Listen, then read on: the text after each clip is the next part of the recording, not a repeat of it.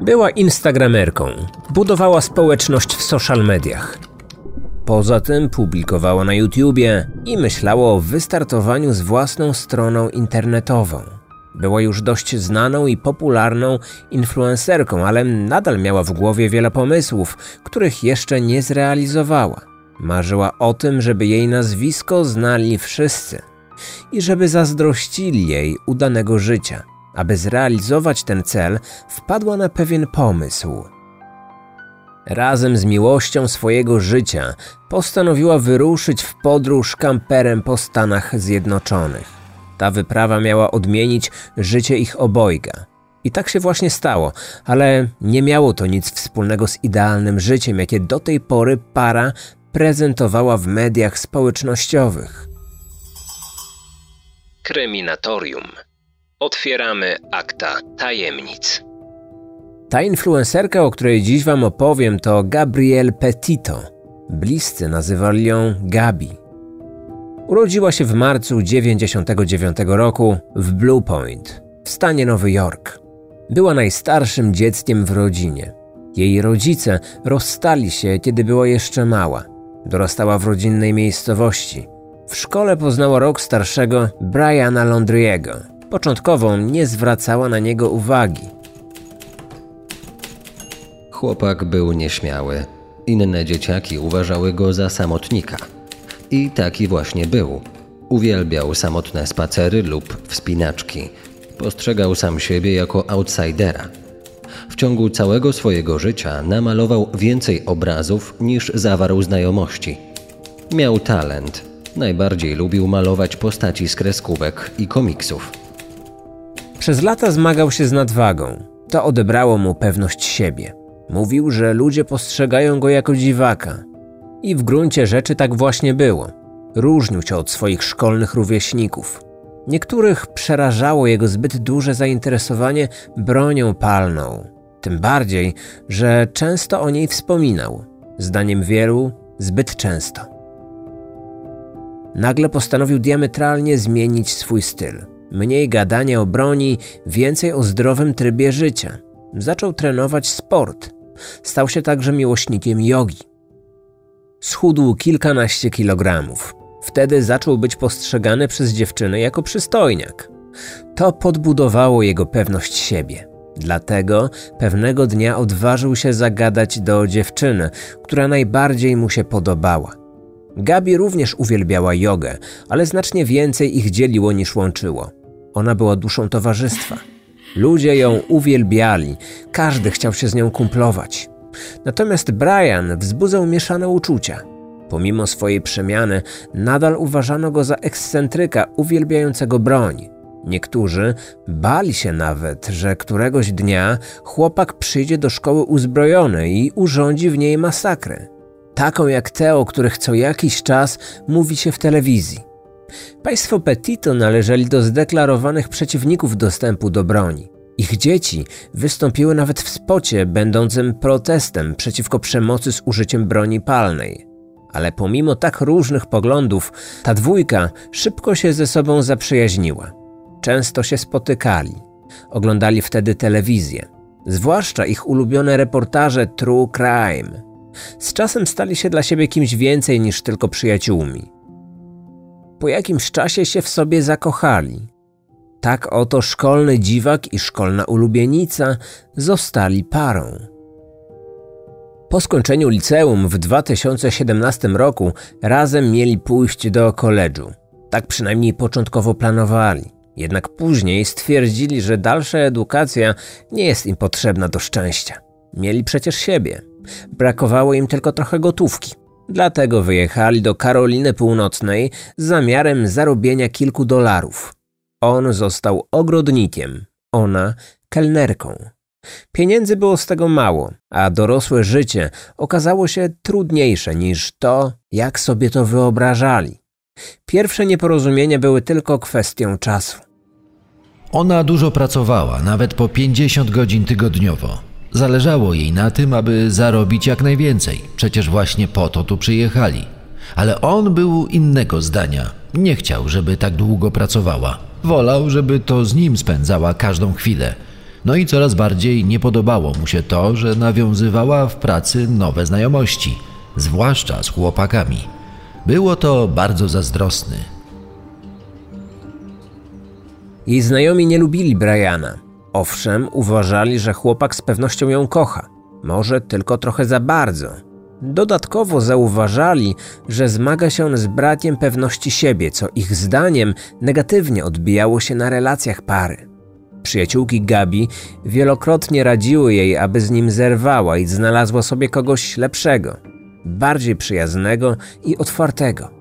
Jednak dziewczyna nikogo nie chciała słuchać. W 2019 roku opuścili razem Karolinę Północną i zamieszkali w domu jego rodziców na Florydzie. Następny rok miał być dla nich przełomowy. W marcu pojechali na pierwszą wspólną wycieczkę. W mediach społecznościowych opublikowali zdjęcia z Santa Monica. Byli bardzo podekscytowani. Zapowiedzieli, że już niedługo wybiorą się w znacznie większą podróż. Ich celem miał być cały kraj. W lipcu Brian postanowił się oświadczyć. Jeszcze tego samego dnia dziewczyna wstawiła na Instagram ich wspólne zdjęcie. Zrobili je kilka lat wcześniej, na pierwszej randce. Podpis pod zdjęciem mówił wszystko. Przyjęła oświadczyny. Powiedziała tak. Zaczęli planować nie tylko ślub, ale także wielką podróż poślubną. Taką, o jakiej zawsze marzyli. Uwielbiali naturę oraz górskie wspinaczki, więc na cel tej wyprawy wybrali parki narodowe. W USA jest ich bardzo wiele. Dlatego zdawali sobie sprawę, że taka podróż mogłaby potrwać nawet pół roku. Postanowili ciężko pracować, aby odłożyć odpowiednią sumę pieniędzy. W grudniu kupili białego Forda Transita. Przez następne miesiące przerabiali go na samochód kempingowy, zwany potocznie kamperem. Inspiracji szukali na YouTubie, gdzie inne pary porzucały swoje dotychczasowe życie, aby właśnie w taki sposób zrealizować swoje podróżnicze marzenia. Nagle jednak coś zaczęło się między nimi psuć. Gabi zaczęła mieć wątpliwości. Zastanawiała się, czy zaręczyny były dobrą decyzją. Swojej matce przyznała, że tak naprawdę są zbyt młodzi na ślub. Zaczęła też dostrzegać wady Briana zwłaszcza jego zaborczość. Pewnego razu umówiła się z koleżankami na babski wieczór w jednym z klubów. Jej narzeczony nie chciał, aby tam poszła. Nie chciała go słuchać, więc jej tego zabronił. Doszło do ostrej awantury. Młoda kobieta nie zamierzała całkowicie podporządkować się partnerowi. Korzystając z okazji, wyszła z domu, była już w drodze na imprezę, kiedy spostrzegła, że w swojej torebce nie ma dowodu tożsamości. Doszła do wniosku, że to narzeczony musiał go wyjąć, aby uniemożliwić jej wejście do klubu. Gdy wróciła do domu, zaczęła na niego krzyczeć. Wtedy wpadł w furię i ją uderzył. Nigdy wcześniej nie zachowywał się w taki sposób. Nie uderzył jej nawet w żartach. Gabi była przerażona. Z płaczem wybiegła do domu.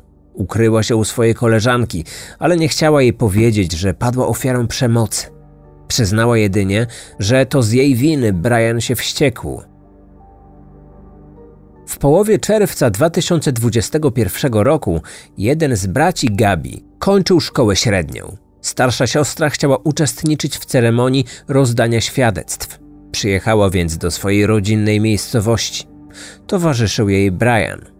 Para spędziła tam prawie dwa tygodnie. I właśnie stamtąd, 2 lipca, wyruszyli w swoją wymarzoną i długą, planowaną podróż. Wyprawa miała potrwać cztery miesiące. Podróżowali białym vanem, przerobionym przez nich na kampera. Plany ślubne przełożyli. Oficjalnie z powodu panującej pandemii COVID, ale jej znajomi zaczęli podejrzewać, że chodziło o coś zupełnie innego.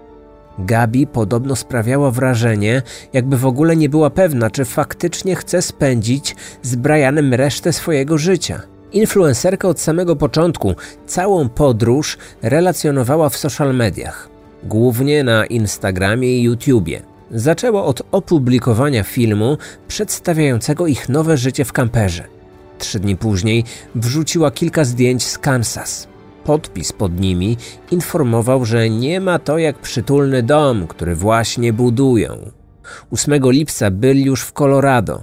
Następny post pojawił się dwa dni później. Tym razem pod zdjęciem wrzuciła dłuższy tekst. Opisała emocje, które towarzyszyły jej podczas pierwszej podróży po kraju ze swoim narzeczonym. Zwróciła uwagę, że życie w kamperze przerosło jej najśmielsze oczekiwania. Była wdzięczna za tę podróż i szczęśliwa, że udało jej się zobaczyć tyle pięknych miejsc. Później pojawiło się jeszcze 12 innych zdjęć oraz relacje na stories. Para odwiedziła kilka parków narodowych w Colorado i Utah. Ich życie wyglądało jak z bajki. Pod postami pojawiało się mnóstwo komentarzy. Ludzie im zazdrościli udanego związku, wolności i podążania własną drogą. Jednak nikt z komentujących nie zdawał sobie wtedy sprawy, że życie zakochanych znacznie odbiegało od obrazu, który oboje przedstawiali w mediach. Na zdjęciach i filmikach byli uśmiechnięci i szczęśliwi, ale w rzeczywistości harmonia pomiędzy nimi stawała się coraz słabsza, a kłótnie były coraz częstsze. Gabi nie lubiła się skarżyć rodzinie i przyjaciołom na Briana. Jeśli pomiędzy nimi działo się coś złego, ukrywała to. Nikt z jej bliskich nie znał prawdy. Do czasu. 12 sierpnia para była widziana w pobliżu sklepu spożywczego w miejscowości Mope w stanie Utah. Jeden z klientów zwrócił na nich uwagę, bo głośno się kłócili, ale nie była to zwykła sprzeczka narzeczonych. Oboje byli w stosunku do siebie bardzo agresywni. Nie wyglądało to na zwykłą kłótnię, jakich już wiele w swoim życiu widziałem. W pewnej chwili odniosłem wrażenie, że zaraz dojdzie do ostrej bójki. On trzymał jej telefon, który dziewczyna próbowała mu odebrać. Widać było, że chłopak miał jej dość. Nie chciał jej nawet wpuścić do samochodu. Wtedy zadzwoniłem na policję. Z relacji świadka wynikało, że oboje nie odpuszczali. Gdy chłopak usiadł za kierownicą wana, wściekła i zdesperowana 22-latka zaczęła uderzać go w twarz i ramiona. Jednocześnie próbowała wejść do samochodu. Gdy to jej się udało, zapytała, dlaczego on jest dla niej taki wredny. Jednak inna osoba dostrzegła, że to chłopak uderzył w twarz tę dziewczynę. Na miejsce szybko przyjechał policyjny radiowóz. Funkcjonariusze z biura szeryfa zaczęli zadawać parze pytania. Jeden z policjantów poprosił zdenerwowaną dziewczynę o opuszczenie auta. Chciał porozmawiać z nią na osobności, bez udziału jej partnera. Odprowadzona do radiowozu Gabi zaczęła płakać. Twierdziła, że miała zły nastrój, który wynikał ze stresu związanego z planami na przyszłość. Powiedziała, że snuła plany związane z poszerzeniem swojej internetowej działalności. Oprócz bloga i kont w mediach społecznościowych, myślała o założeniu strony internetowej. Brian podobno nie do końca ją rozumiał i nie wspierał jej tak, jak ona by tego oczekiwała. To wszystko w pewnym momencie się w niej skumulowało, prowadząc do kłótni.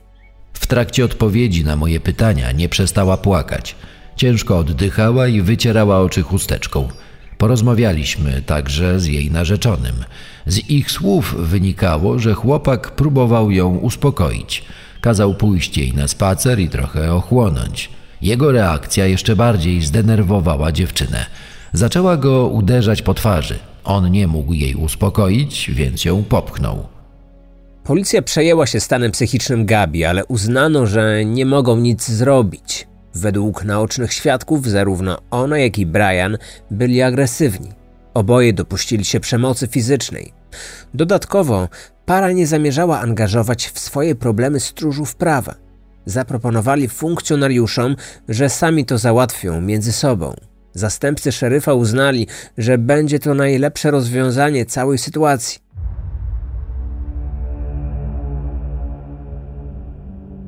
Nie wiadomo, co działo się po odjeździe patrolu. Natomiast 17 sierpnia Brian wrócił do swojego domu na Florydzie. Gabi została sama. Zameldowała się w hotelu w Salt Lake City. Powodem tej rozłąki miało być załatwienie różnych formalności, opróżnienie wynajmowanego przez niego magazynu oraz załatwienie dodatkowej gotówki na dalszą podróż. Pięć dni później ponownie dołączył do swojej narzeczonej. 24 sierpnia oboje wyruszyli w dalszą drogę. Niektórym wydawało się to dziwne, że narzeczony na kilka dni opuścił dziewczynę, zwłaszcza biorąc pod uwagę ich kłótnię oraz związaną z nią interwencję policji. Być może para po prostu uznała, że taka rozłąka dobrze im zrobi. Następnego dnia, po wznowieniu podróży, Gabi napisała do matki SMS-a, że poinformowała w nim, że jadą zobaczyć parki narodowe Grand Teton oraz Yellowstone. Później wrzuciła zdjęcie na Instagrama. Była na nim uśmiechnięta. Stała na tle ściany z namalowanymi kolorowymi motylami. W dłoni trzymała małą dynię i życzyła swoim obserwatorom udanego Halloween. Później okazało się, że było to ostatnie zdjęcie, jakie opublikowała w mediach społecznościowych. Kilka dni później znajomi dziewczyny, przeglądając komentarze pod jej zdjęciem na Instagramie, zauważyli, że większość podpisów została zmieniona. Ich treść znacznie różniła się od pierwotnych opisów. Ich styl także się różnił. Dlatego niektórzy pomyśleli, że ich edycji dokonał Brian. Następnego dnia doszło do kolejnej dziwnej sytuacji. Jej świadkami było co najmniej kilka osób. Para pojawiła się w jednej z restauracji w stanie Wyoming. Zamierzali zjeść obiad. Nagle doszło między nimi do ostrego spięcia. Później chłopak wdał się w niemiłą rozmowę z pracownicą lokalu. Był wściekły, zaczął nawet na nią krzyczeć. Gabi próbowała go uspokoić. A po chwili sama zaczęła przepraszać obsługę restauracji za zachowanie swojego narzeczonego. Później wybuchła płaczem. Brian został wyrzucony z lokalu przez jednego z pracowników. Jednak po chwili wrócił. Był nerwowy, nie mógł sobie znaleźć miejsca. Po minucie znowu wyszedł, tym razem z własnej woli. Po czym ponownie wszedł do środka. Gabi była wyraźnie zażenowana jego zachowaniem. Płacząc, starała się go uspokoić. Przemawiając mu do rozsądku, wyszła na zewnątrz razem z nim.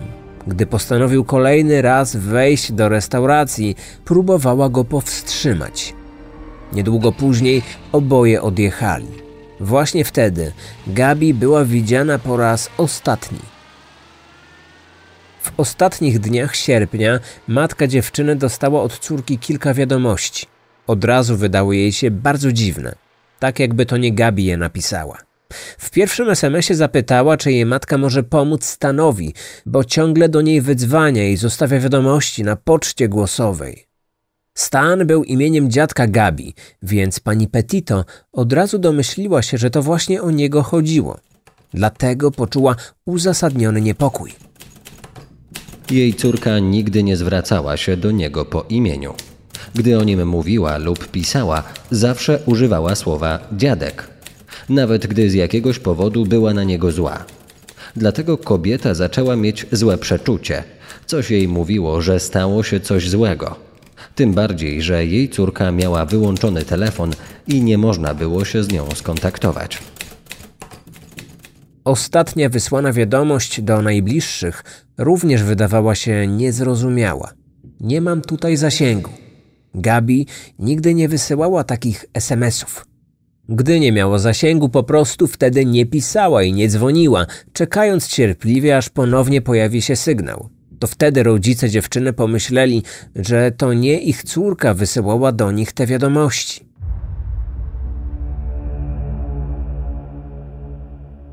Od kilku dni Gabi nie relacjonowała już swojej podróży w mediach społecznościowych.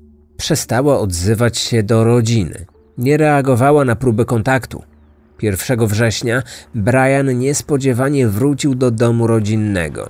Przyjechał białym vanem kamperem, który do tej pory był jedynym środkiem transportu pary, ale nie było z nim Gabi.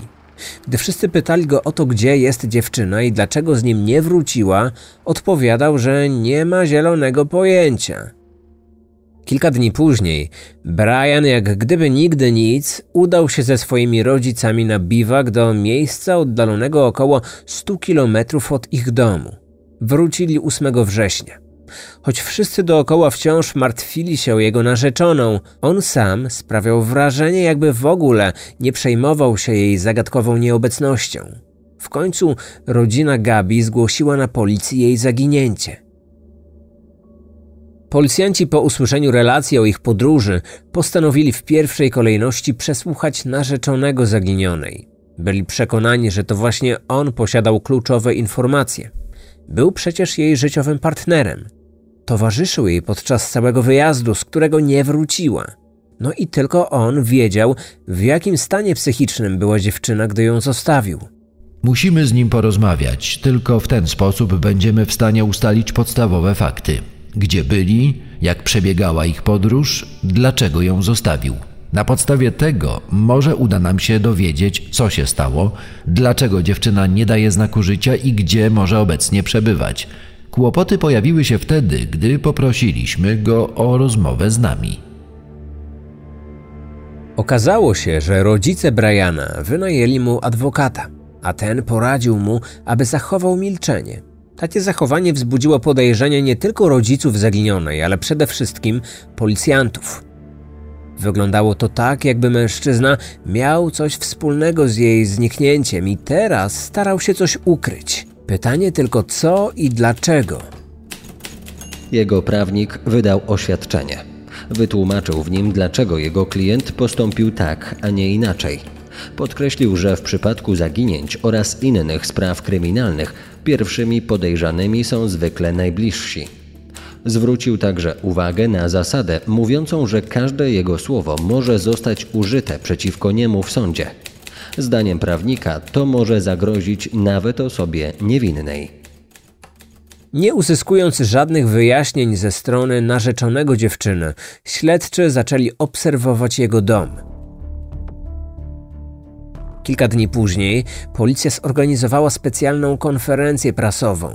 Rodzina zaginionej zaapelowała o powrót Gabi do domu. Poprosiła również Briana, aby przerwał milczenie i pomógł odnaleźć swoją narzeczoną, którą przecież bardzo kochał. Swoje ostatnie słowa skierowali do rodziców chłopaka, aby ci wpłynęli jakoś na swojego syna. Następnego dnia siostra Briana wystąpiła w programie telewizyjnym poświęconym zaginięciu Gabi.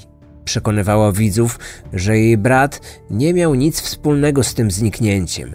Zapewniła przy tym, że ona sama traktuje dziewczynę jak swoją rodzoną siostrę i modli się o jej bezpieczny powrót do domu. Jednak mijały dni, a Gabi nie wracała. Niepokój rodziny wzrastał.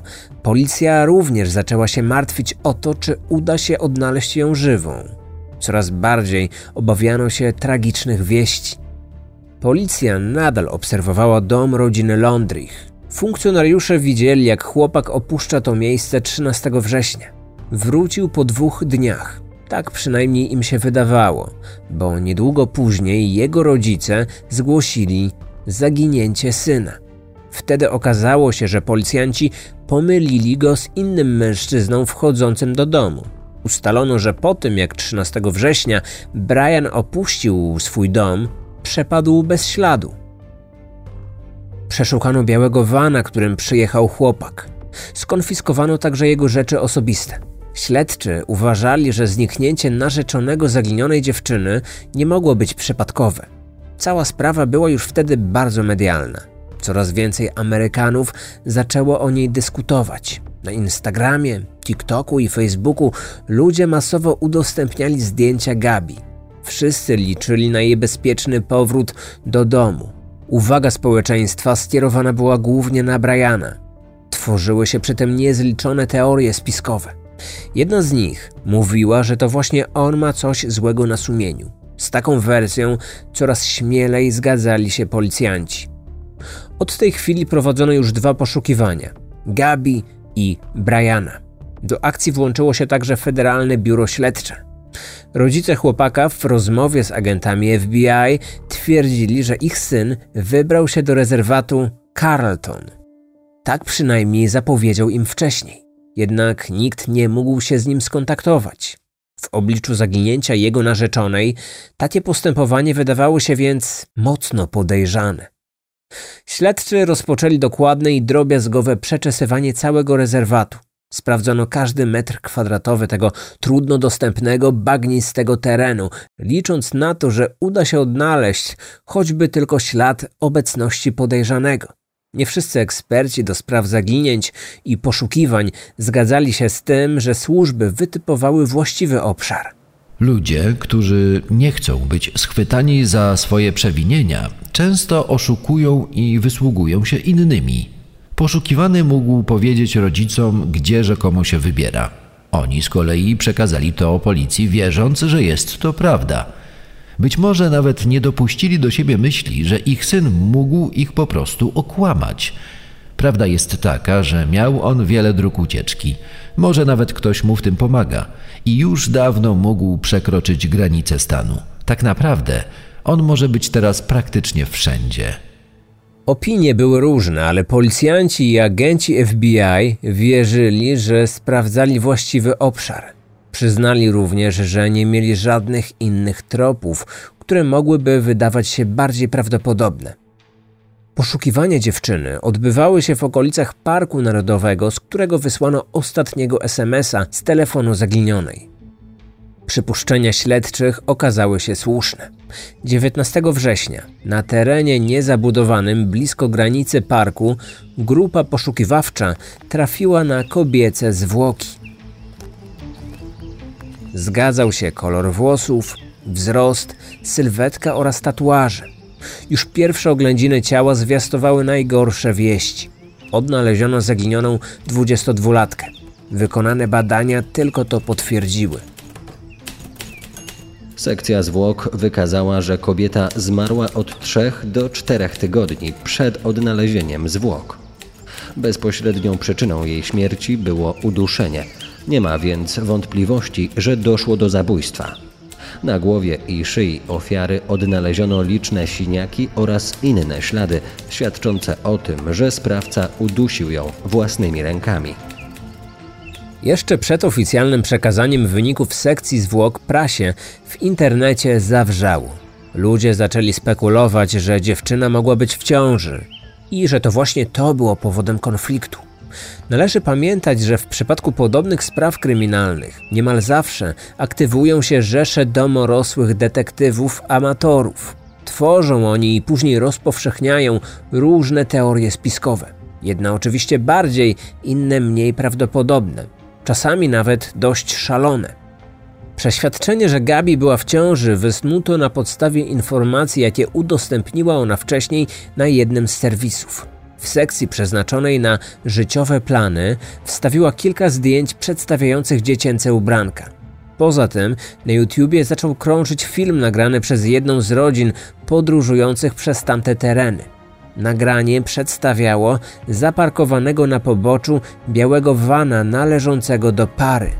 Na nagraniu tym szybko zauważono leżące na ziemi zdjęcia. Niektórzy internauci postanowili je przeanalizować. Po powiększeniu obrazu część z nich uznała, że były to zdjęcia USD. Od razu pojawiły się głosy, że przedstawiały obraz płodu. To zrodziło teorię, że chłopak nie czuł się jeszcze gotowy na to, aby zostać ojcem. Aby tego uniknąć, miał po prostu zabić swoją narzeczoną. Stanowczo zaprzeczył temu lekarz sądowy. Badania wykazały, że ofiara na pewno nie była w ciąży, a internetowa gorączka nie miała nic wspólnego z rzeczywistością. Poszukiwania Briana trwały. Sprowadzono nurków oraz zawodowych myśliwych. W rezerwacie aż roiło się od dzikich zwierząt, np. kojotów. W wodach pływają aligatory, na lądzie łatwo natrafić na jadowite węże.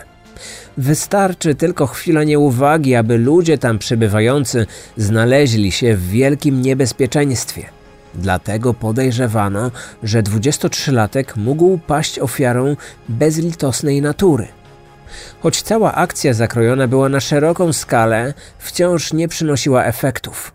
Rodzice poszukiwanego często gościli w różnych programach telewizyjnych. Spoglądając w kamerę, apelowali do syna, aby wrócił w końcu do domu. Przecież ich zdaniem był niewinny, więc nie miał się czego obawiać. W międzyczasie jego ojciec osobiście zjawił się w rezerwacie, aby pomóc służbom w poszukiwaniach. Chętnie korzystano z jego usług, ponieważ mężczyzna bardzo dobrze wiedział, które obszary należały do ulubionych miejsc jego syna. Wkrótce FBI wydało nakaz aresztowania Briana. Odkryliśmy, że poszukiwany w dniach od 30 sierpnia do 1 września używał karty debetowej swojej narzeczonej. Wypłacił z bankomatu ponad 1000 dolarów. Mieliśmy podstawy twierdzić, że miało to miejsce już po dokonaniu zabójstwa. Poinformowaliśmy o tym agentów FBI, a oni odwiedzili jego dom. Na miejscu pobrali jego próbki DNA. 20 października nastąpił tak wyczekiwany przez wszystkich przełom. Na terenie rezerwatu najpierw znaleziono plecak. Zawierał m.in. osobisty notatnik, ubrania oraz buty. Szybko potwierdzono, że przedmioty te należały bez wątpienia do poszukiwanego. Kilka godzin później odkryto w pobliżu ludzkie szczątki. Stan rozkładu oraz fakt, że zostały one znacznie nadjedzone przez dziką zwierzynę, uniemożliwiło ich natychmiastową identyfikację. Ale dziennikarze i tak byli już pewni, do kogo należały. Jeśli ktokolwiek miał jeszcze wtedy jakieś wątpliwości, to zostały one rozwiane najpierw przez dokumentację dentystyczną, a później przez badania DNA. To był Brian. Sekcja zwłok wykazała, że popełnił samobójstwo. 23-latek strzelił sobie w głowę. Kula weszła w lewą skroń i przeszła na wylot czaszki. W bliskiej odległości od ciała znaleziono broń, z której się zastrzelił.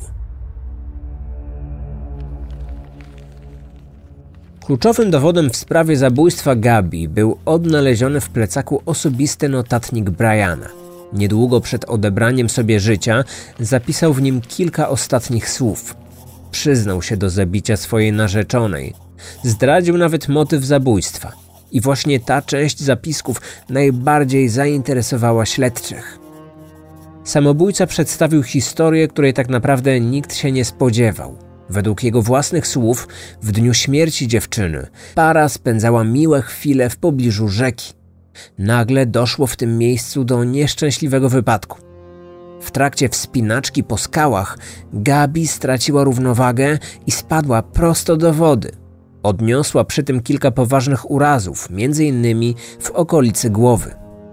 22-latka zaczęła się topić, ale narzeczony szybko ruszył jej na ratunek. Gdy wyciągnął ją na brzeg, zauważył, że dziewczyna była ciężko ranna. Obrażenia, jakie odniosła, zagrażały jej życiu. Wiedział, że potrzebowała szybkiej interwencji lekarskiej, ale nic więcej nie mógł dla niej wtedy zrobić. Przewiezienie jej stamtąd do najbliższego szpitala nie było przecież możliwe. W swoich ostatnich zapiskach chłopak przekonywał, że Gabi bardzo cierpiała. Krzyczała z bólu, bez przerwy płakała. W końcu zaczęła go błagać o to, aby jak najszybciej zakończył jej cierpienia. I tak też uczynił. Przecież bardzo ją kochał, więc zrobiłby dla niej wszystko, o co tylko by go poprosiła. Jego list pożegnalny miał osiem stron. Fragmenty zostały później upublicznione przez policję. Zawierały informacje o tym, że dziewczynę bardzo bolały stopy i nadgarstek. Była poważnie wyziębiona, z tego powodu cała się trzęsła. Gdy niósł ją na rękach, krzyczała z bólu. Ułożył ją na ziemi, a sam położył się obok niej. Wtedy poprosiła go, aby to zakończył. Dalej, Brian napisał, że zakończył jej cierpienie, ponieważ tak naprawdę wierzył, że to był z jego strony akt miłosierdzia, że zrobił to dla niej, ponieważ właśnie tego chciała.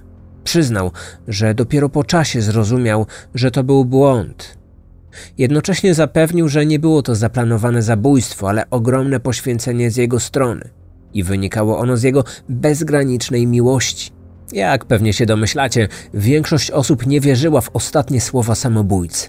Rodzice ofiary byli przekonani, że w taki sposób pragnął się wybielić, że jako człowiek narcystyczny postanowił zafałszować swoją historię i napisać ją od nowa. Wiedział, że i tak niedługo umrze więc chciał sprawić, aby po jego śmierci dobrze o nim mówiono. Eksperci medyczni od razu zwrócili uwagę na opis obrażeń i stanu rannej dziewczyny. Miała wychłodzenie organizmu, więc prawdopodobnie doznała hipotermii. Nie był to jednak stan krytyczny. Gdyby para od razu wsiadła w samochód i pojechała do najbliższego miasta, na pewno szybko znaleźliby w nim jakiegoś lekarza lub przychodnie. Wtedy uzyskałaby potrzebną pomoc. Poza tym podkreślano, że czasami w podobnych wypadkach wystarczy jedynie zmiana ubrania na suche i przykrycie ciała ciepłym kocem, aby nastąpiła poprawa u poszkodowanej. Więc nawet jeśli opis jej stanu zdrowia był prawdziwy, to na pewno jej życie nie było zagrożone tak, jak twierdził Brian. No i pozostaje jeszcze jedno pytanie, chyba najważniejsze. Czy tak naprawdę ktokolwiek mógłby pomyśleć, że uduszenie drugiej osoby gołymi rękami można nazwać aktem miłosierdzia? Jedna z teorii krążących po sieci zakłada, że w opowieści Briana może być jednak ukryte ziarno prawdy, choć przebieg tych wydarzeń mógł wyglądać zupełnie inaczej. Być może podczas nagłej kłótni popchnął swoją narzeczoną tak niefortunnie, że wpadła ona do wody. Gdy później wyciągnął ją na brzeg, awantura pomiędzy nimi stała się jeszcze gwałtowniejsza. Może wtedy wpadł w szał i przestał nad sobą panować. Czy ona zagroziła mu wtedy rozstaniem? Czy on mógł wtedy zdecydować, że jeśli ona nie będzie z nim, to nie będzie już z nikim? Nie wiadomo. Są to tylko domysły niektórych internautów. I chyba tylko jednego możemy być tutaj pewni. Tego, że prawdę na temat ostatnich chwil życia Gabi Petito znali tylko oni. I oboje zabrali swoją tajemnicę do grobu. Odcinek powstał na podstawie artykułu pod tytułem Gabi Petito's Life with and Death by Brian Laundrie autorstwa Kathleen Hale oraz A Timeline of 22-Year-Old Gabi Petito's Case autorstwa Christine Maxoris. Ponadto wykorzystano informacje ze strony internetowej FBI oraz takich portali informacyjnych jak Vanity Fair, CNN, New York Post, People czy E! News.